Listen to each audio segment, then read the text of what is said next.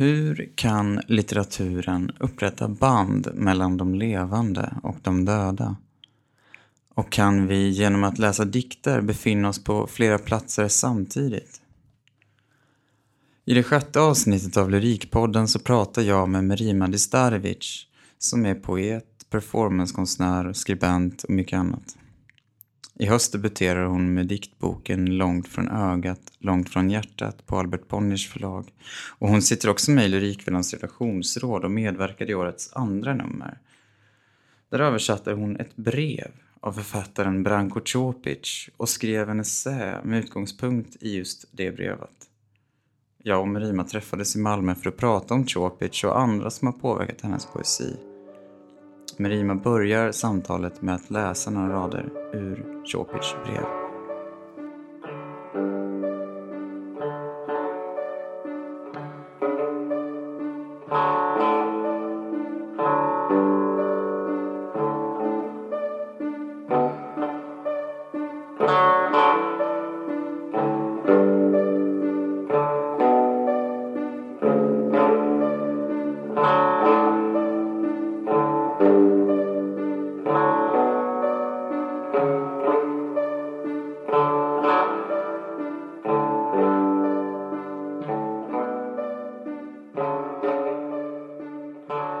Min älskade Zio. Jag vet att jag skriver ett brev som inte kan nå mottagaren.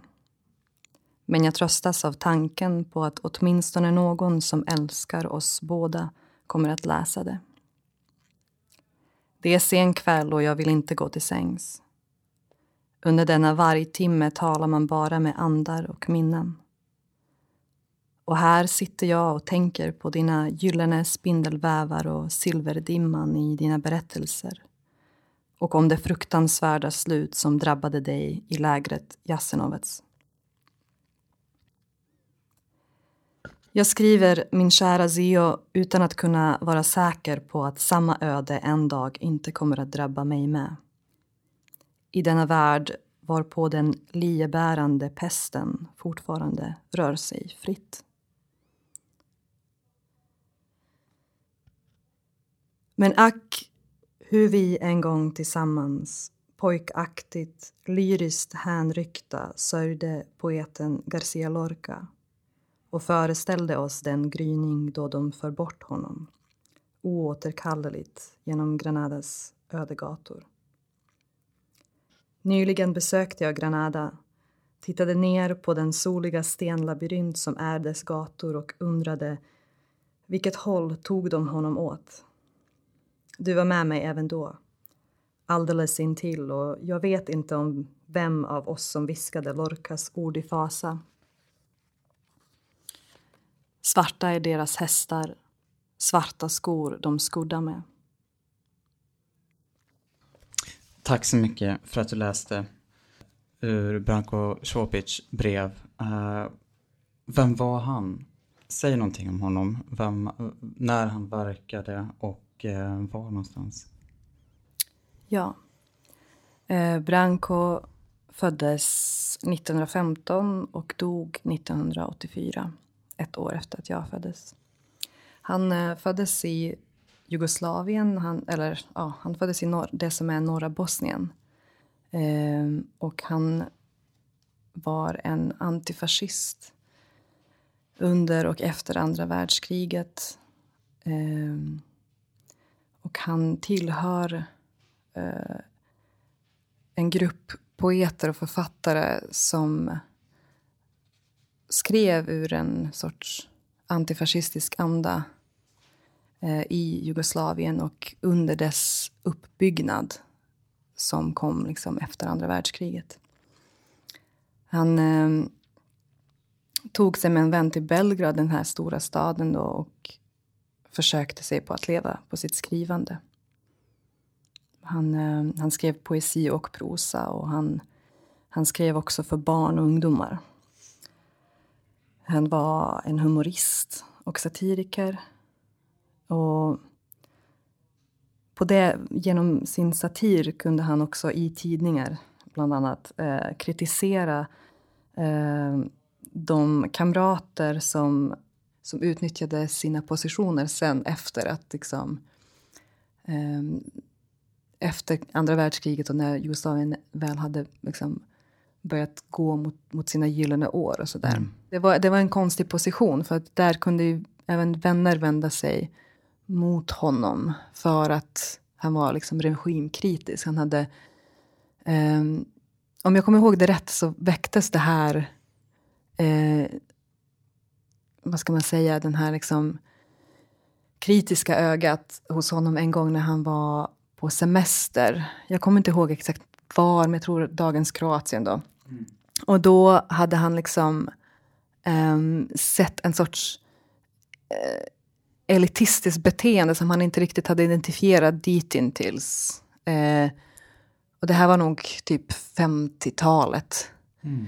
Uh, och då var det liksom ett hotell där um, de här liksom högre stående kommunisterna betedde sig som borgare. Och det här var någonting som han liksom tog sig an. Mm. Um, och det här kommer då efter att han liksom verkligen, eller också under tiden som han, som han, liksom, han, han tillhör den här skaran som har skrivit um, i någon sorts uh, partisananda. För att många av de här författarna och konstnärerna var ju också själva liksom partisaner. Mm. Och eh, många av hans berättelser har ju någon sorts, alltså är berättelsen om eh, partisaner och deras kamp mot fascismen. Det här brevet känns ju väldigt eh, mörkt mm. på många sätt. Det känns väldigt svartsynt. Eh, mm. Vilken är, hur ser kontexten ut när han skriver det och vem vänder han sig till just i den här, under den här vargtimmen? Mm.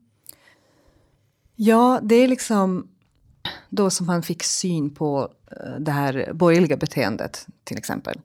Eh, han började också se en, en, ett återgående på något sätt till nationalismen som var det man hade kämpat emot.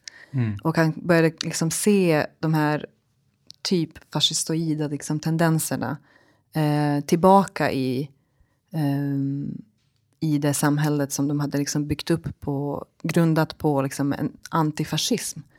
Eh, och det var liksom det, det är lite det som han refererar till. Samtidigt så refererar han ju också till eh, inte bara eh, just den platsen utan också till hela världen. Eh, så. Och det eh, finns det väl alltid någon mörk kraft någonstans i världen som på något sätt växer sig starkare och så.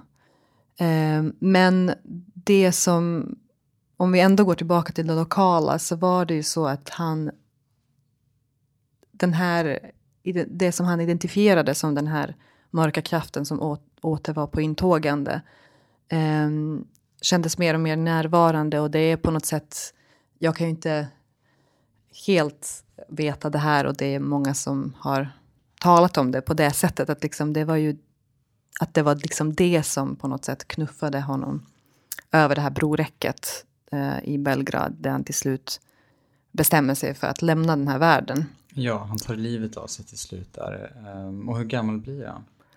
Ja, eh, 60? Ja. Eh, någonting. Just det. Ja. Um, det är ju liksom en tid när... Um, eh, alltså Tito dör 1980.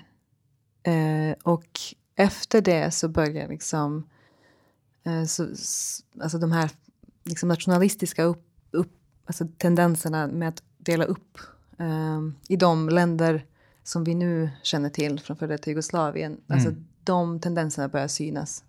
Eh, de nationalistiska tendenserna. Och det är väl också det som vi talar om här. Mm. Och det, det kändes som någonting som han inte liksom kunde... Um, som han inte orkade titta, alltså se och vara med om en gång till på något sätt. Och vem är denna Distarevic som han eh, ja. anropar? Ja, det var också en eh, Eh, poet och författare. Han, han skrev eh, noveller också, för, alltså väldigt många noveller för ungdomsnoveller var det också. Här, eh, han var liksom en antifascist och han var en sorts kusin, eller han var en kusin, eh, avlägsen släkting till mig. Um, och han dödades då av fascisterna i det här koncentrationslägret i nuvarande Kroatien där man um, avrättade väldigt många um, serber, judar, romer, homosexuella, antifascister. Um,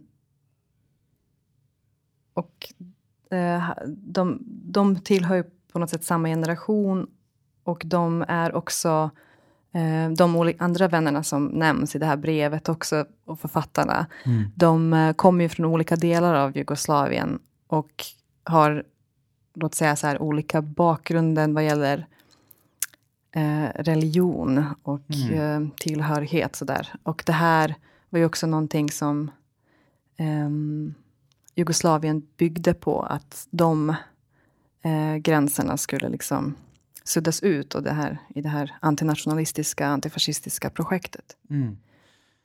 Ja, när man läser det här brevet så aktiveras en mängd frågor, tycker jag, om hopp och förtvivlan, fjärrgemenskaper och ensamhet som vi kommer att återkomma till. Men som vi vanligtvis brukar diskutera mer renodlade dikter i Lyrikvännen än så här. Kan du inte säga något om vilka genrer Chopic var verksam inom och hur detta brev publicerades? Ja, eh, det här, är, det här brevet är inledningen. Det, är som ett, det fungerar också som ett förord till en bok som heter en malvafärgad trädgård.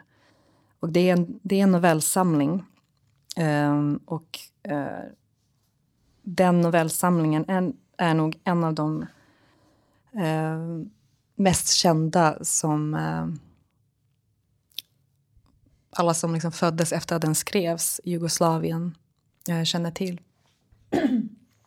Den, här, den novellsamlingen är otroligt känd och den berör Ehm, alla som har liksom växt upp med att ha läst den i skolan i före Jugoslavien. Och efteråt känner jag också, när jag har nämnt att jag har översatt det här brevet till svenska så blir alla jag talar med från före Jugoslavien väldigt berörda och liksom börjar prata om eh, den här boken eller någonting annat som de har läst eh, av Branko. Det, det, är någonting, det här med, som jag nämnde lite med hans så här, eh, första inspiration är någon sorts lyrisk humoristisk prosa. Mm. Eh, alltså han pratar också om i, i, liksom, i sina intervjuer och sådär om att humor är någonting man liksom på något sätt anskaffar sig med ålder, alltså den kommer med mogen ålder. För att alla de här eh, liksom allvarliga antifascistiska och liksom poeterna eh, skrev för barn. Och att mm. jag har tänkt på att liksom novellformen är en sorts... Eh, novellen är inte så populär här kanske, men eh, just den formen eh, är på något sätt väldigt bra att använda till exempel i undervisning. Och jag antar att, för att de, de här novellerna är liksom, de, de är kanske inte alltid eh, rent konkret tänkta att de ska vara skrivna för barn eller vuxna. Men att eh, eftersom det är, det är liksom korta stycken så kan man eh, använda det eh, i skolan, vilket kanske rent praktiskt har varit en sak som har gjort att eh, många av oss liksom har tagit del av det på det sättet. Liksom. Det här är texter som har nått ut väldigt brett helt enkelt. Exakt. Och som fortfarande verkar göra det utifrån den respons du verkar få eh, när du berättar om det här. Uppenbarligen sätter ju texten igång väldigt mycket såväl i dig som i andra. Eh, och det är ju det som är kärnan i din essä i numret. Hur du eh, nystar vidare kring de här texterna och utvecklar nya problemområden eh, in i ditt liv och ditt skrivande. Vad beror detta på och vad är det som händer i dig? Ja. Det är, ja, det, det är väldigt brett. Och det, jag kanske kan ta lite i taget eh, och koppla ihop det med eh, en annan författare, eh, Edouard Glissant, som har betytt Eh, mycket för mig och som jag inte alltid tror att jag förstår, men som jag ofta går tillbaka till. Och det finns flera um, saker som liksom på något sätt uh, påminner mig om, eller som, som knyter ihop de här två författarna för mig när jag har tänkt på Chopic. Uh, eh, till exempel så pratar han liksom om, um, um, om det lokala som möjliggör någonting större, alltså i poesin. Mm. Så han talar till exempel om en kvarn i den byn som han är född. Och pratar om platsen man kommer ifrån som någonting som man aldrig liksom kan ta bort från sig själv. Eh, och redskapet det ger för att alltså genom en väldigt specifik berättelse förmedla någonting allmänmänskligt, mm. om man nu ska vara så. Mm. Och eh, det kanske är någonting som Glissant kallar för totalvärldsligt eller allvärldsligt. Um, men Chopic pratar om den här kvarnen som den mest imponerande maskinen han sett i sitt liv till exempel. Och även sen när han har liksom suttit på flygplan tänker han att den lilla kvarnen i hans by som var liksom så otroligt imponerande och jobbade så hårt dag och natt och sådär och utförde detta viktiga arbete. Och det är någonting um, han har också berättat om respons han har fått från delar av just den här boken som på något sätt blev en del av den boken blev vid något tillfälle översatt till ryska och liksom spreds liksom i den avlägsna Sibirien. Mm. Och eh, då fick han liksom respons på det här med att människor eh, skrev till honom. Eh, och hörde jag vet inte exakt hur den kommunikationen fungerade men han fick veta liksom att människorna där tyckte ju att de här karaktärerna som du beskriver, det är ju liksom, vi, vi känner dem. De bor i våra byar.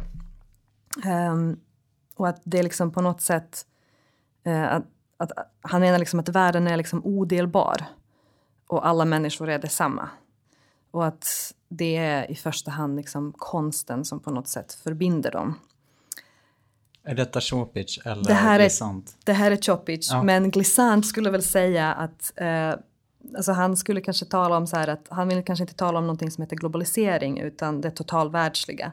Och det, det han liksom pratar om kanske är att alltså förnim, mer förnimmelser om världen kopplar ihop oss. Eller att de kopplar ihop oss kanske minst lika mycket som eh, banktransaktioner.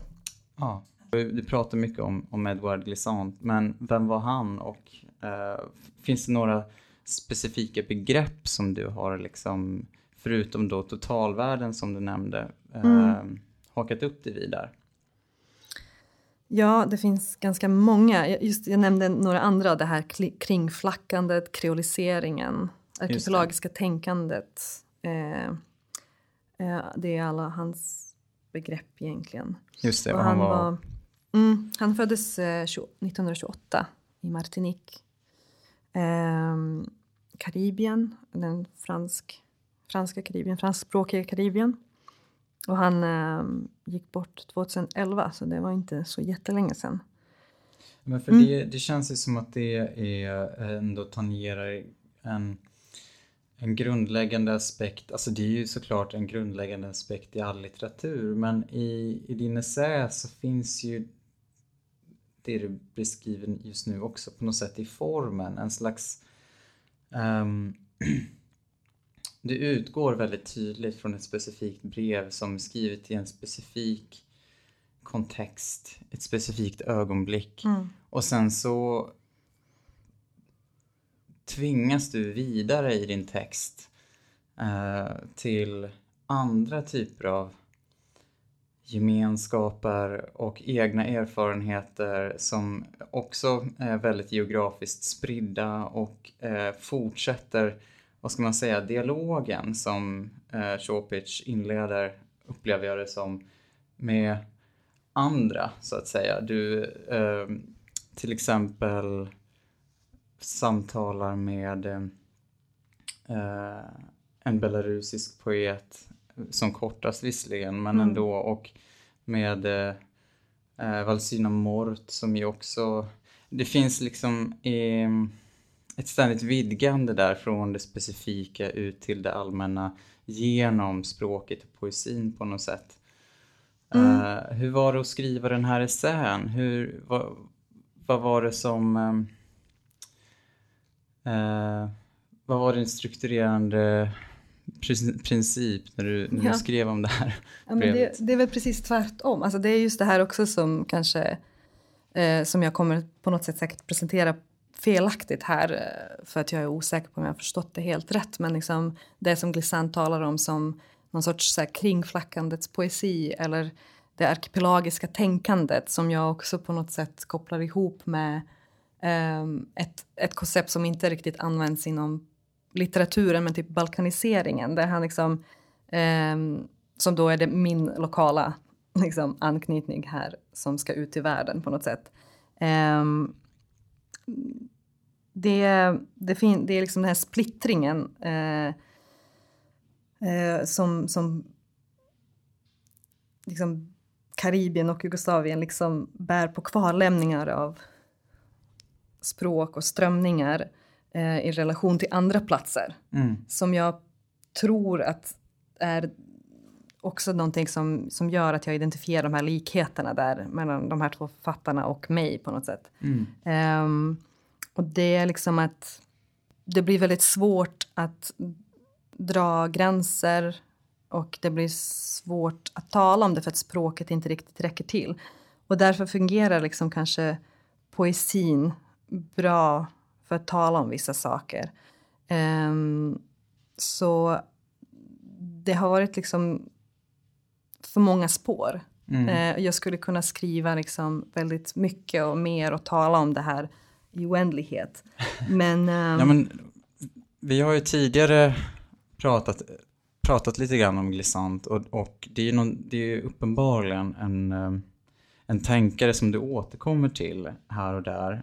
Ehm, Jag har alltid haft svårt att greppa vad han menar egentligen. Vill du, hur, hur tänker du att han menar? Ja, men exakt. Eh, det, det är väl det som är grejen. Att, eh, jag har också väldigt svårt att greppa och säga någonting rent konkret om det han skriver.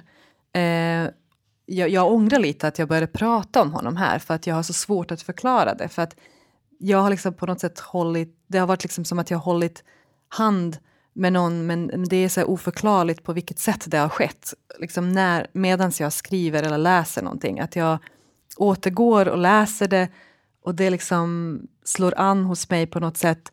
Men sen så kan jag liksom inte riktigt förklara eh, exakt på vilket sätt det gör det. Och det är väl det som också har tröstat mig på något sätt med att eh, med att liksom det, jag håller på med någonting som inte går att förklara och det har någon annan också gjort. Mm. Eh, och han har också försökt förklara det men ingen fattar och ingen får fatta mig heller för, förutom i den stunden. Nej men alltså, eh, liksom jag skämtar lite men liksom det är klart att... Men är det inte just någonting av just det du precis berättade som hans begrepp opacitet till exempel Mm. faktiskt handlar om?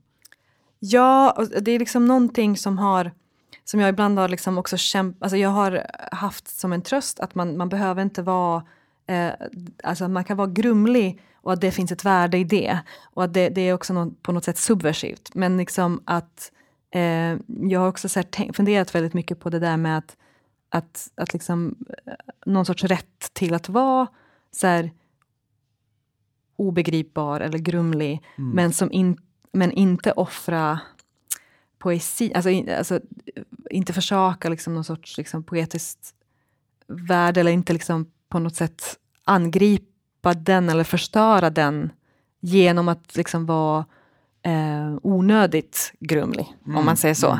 Eh, bara för sakens skull. Ja, just det. S- ja, så jag har det, det har jag funderat väldigt mycket på när jag har skrivit. Eh, också, som, alltså, också det här knyter ju an till liksom andra tänkare i, i eh, som har liksom pratat om eh, kolonialt arv, eh, som har pratat om eh, typ Derrida och logocentrismen. Alltså att, att vara liksom, att det finns liksom andra sätt att eh, skriva och vara på som inte är nödvändigtvis liksom den, det sättet som eh, den västerländska kanon har liksom, eh, lärt oss. Eh, som oftast är, handlar om just det här liksom att eh, allting ska begripliggöras så mycket som möjligt och Mm. Eh, in i sina minsta beståndsdelar. Men för att Ehm. hans, han- hans Edward, Edward Glissant är ju då alltså en, en, en filosof.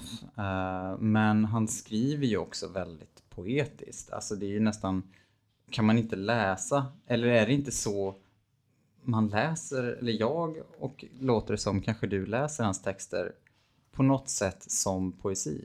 Alltså det, är, det här angår mig men jag kan inte likt en um, informa informativ prosatext redogöra eh, rakt av vad den betyder. Eller Mm. hur känner du? Han har ju, visst har han ett väldigt poetiskt språk ändå Ja, som, som motarbetar den där tydliga tolkningen och förståelsen. Ja, men exakt. Och han, han är ju poet. Alltså han skriver Ja. poesi, eller skrev eh, också.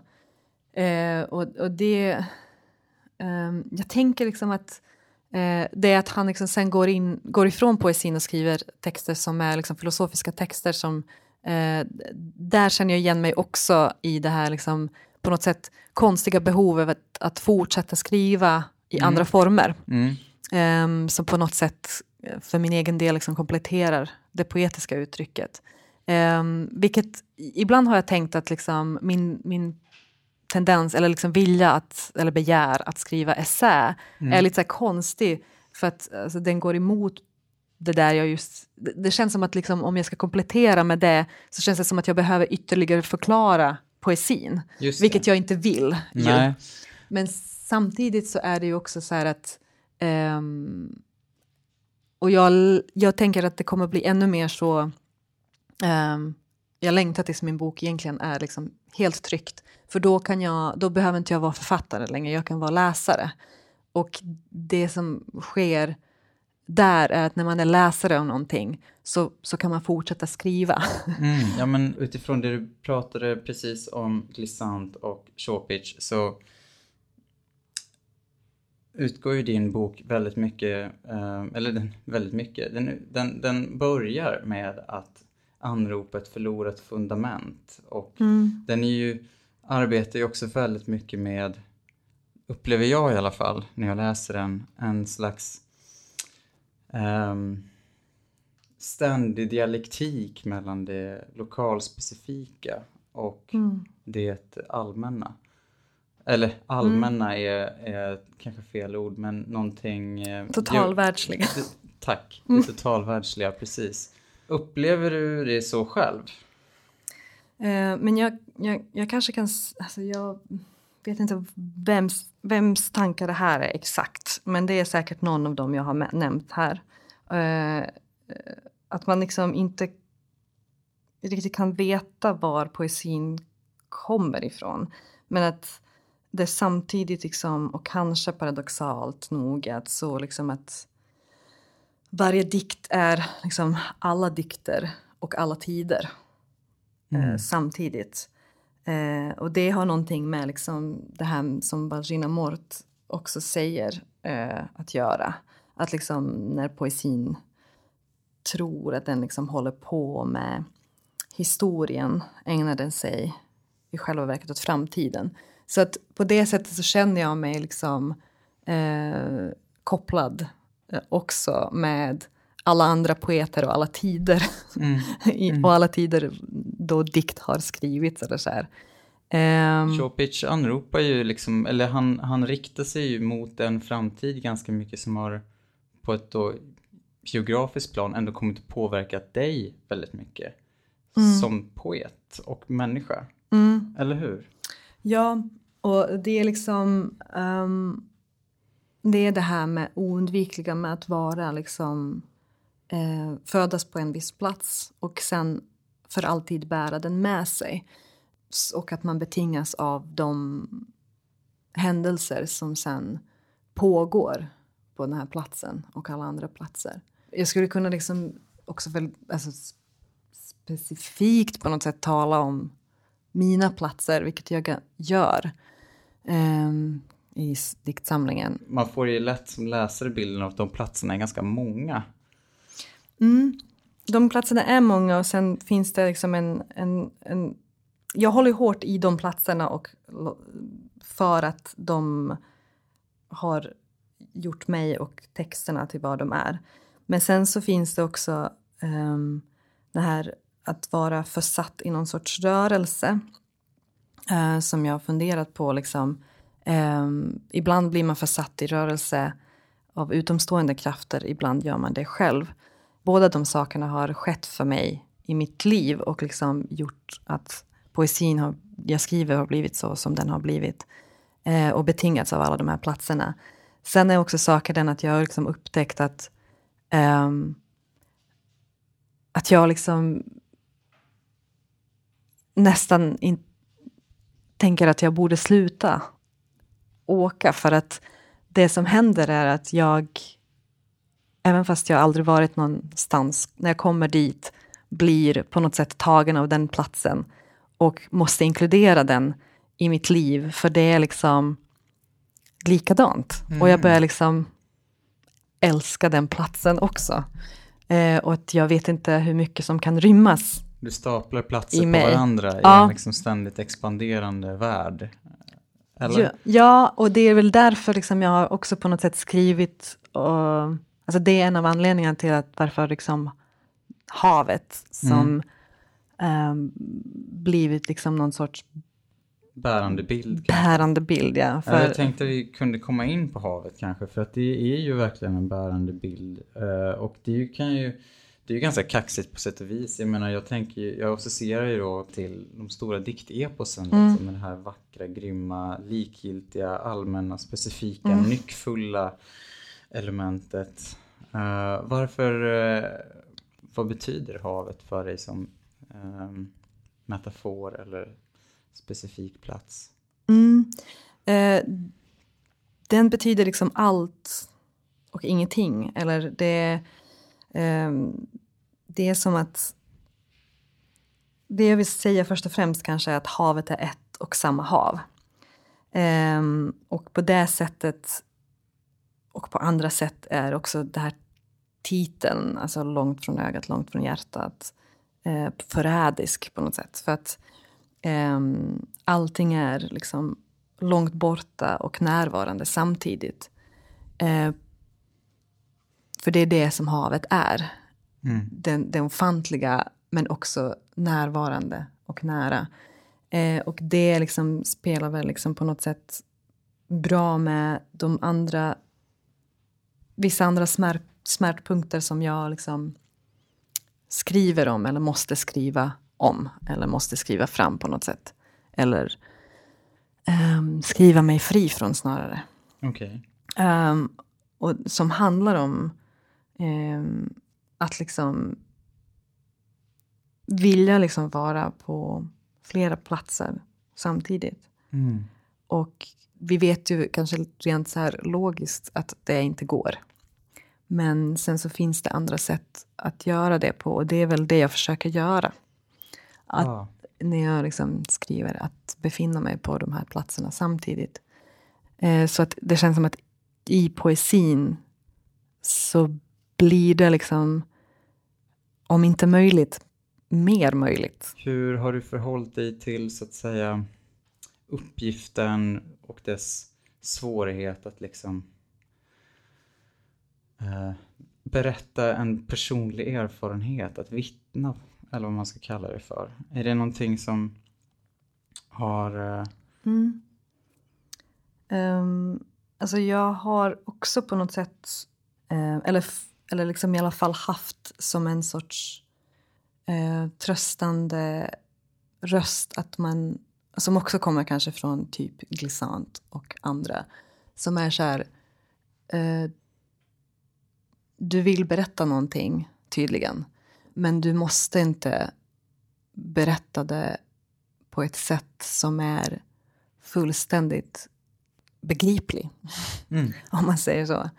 Um, det har funnits liksom flera stadier för mig av begriplighet och obegriplighet. Å ena sidan så har liksom på grund av att det här är en maximalistisk text som liksom på något sätt drar med sig typ centrifugalt liksom en massa grejer som är kanske nödvändiga men också onödiga. Så man um, undrar ibland vad som är liksom någon sorts um, vad, vad, som bär betydelse och vad som är bråte. Det är någonting som har att göra med att um, jag kanske med tillåtelse av den poetiska formen liksom har kunnat förgrena mig ut mer än om jag skulle vilja bara än man kanske får när man vill berätta någonting. Mm. Um, genom prosa till exempel. Um, eller film, för den delen. Mm. Um, men sen har det varit också så här att jag har liksom identifierat ett behov att jag måste berätta någonting. Eller vill, eller snarare måste. Jag har också på något sätt försökt eh, kontrollera det samtidigt som jag inte har velat liksom gå in i någonting där jag behöver vara förklarande. Ja, men hur menar du då? Din motvilja mot att inte behöva vara förklarande, vad tror du den kommer ur? Mm. Det där är jag tänker så här att det, det, är liksom ganska mänskligt att vilja på något sätt um, skydda sig gentemot um, ett dissekerande. Eller mm. liksom, ett, med att, liksom, att man um, vill liksom behålla någon sorts liksom, hemlighet för sig själv. Mm. Och speciellt när man liksom, för att jag går ju in i andra människors berättelser, det här polyfona som du pratar om också. Eller låter andra röster tala som mm. inte är liksom ett jag, eh, låt säga. Jag vill inte bli utfläkt på något sätt. Jag, eh, eller liksom fläka ut andra eller för någon sorts liksom dissekerande blick som, mm. ja, alltså vi vet kommer, var den kommer ifrån. Liksom, kolonialarv.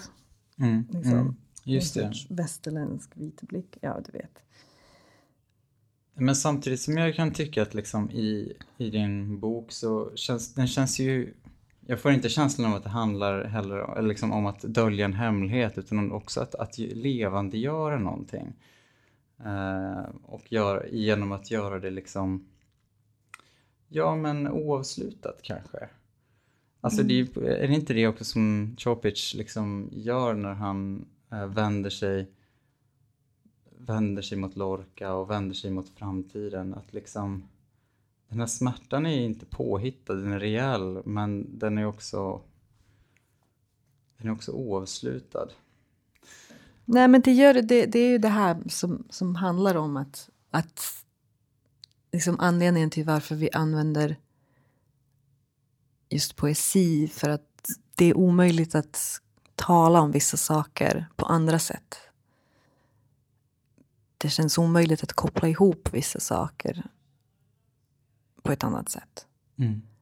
Eh, men där, på den platsen, kan man liksom göra det. Mm.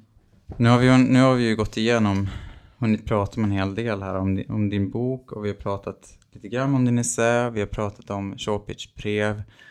Uh, och jag tycker att det vore jätteroligt om du ville läsa någonting också ur, eh, någonting kort ur, ur ditt manus. Mm. Plockar det essentiella. Lavendel, salvia, timjan, rosmarin. Immortell, immortell, curry eternell. Den dyraste oljan i världen tillverkas på Balkan.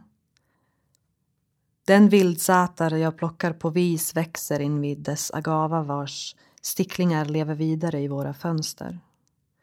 Via Tyskland skaffar vi 15 liter olivolja från Azawie. Här uppe plockar jag ringblomma med mor. Här uppe dränker jag blommorna och bladen, ställer dem i fönstret, säger kom nu solen omtatsat, svik inte, abbracciami forte.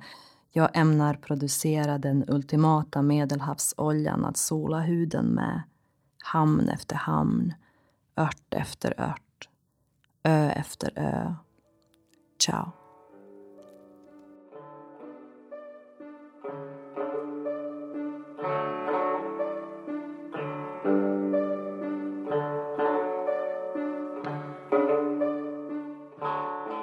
Det där var det sjätte avsnittet av Lyrikpodden med mig, David Zimmerman och med Merima Distarevic som gäst.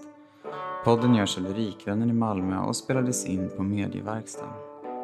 Vill du läsa mer om tidskriften, prenumerera eller beställa nummer så gör du det bäst på vår hemsida, lyrikvannen.se. Tack för att du har lyssnat.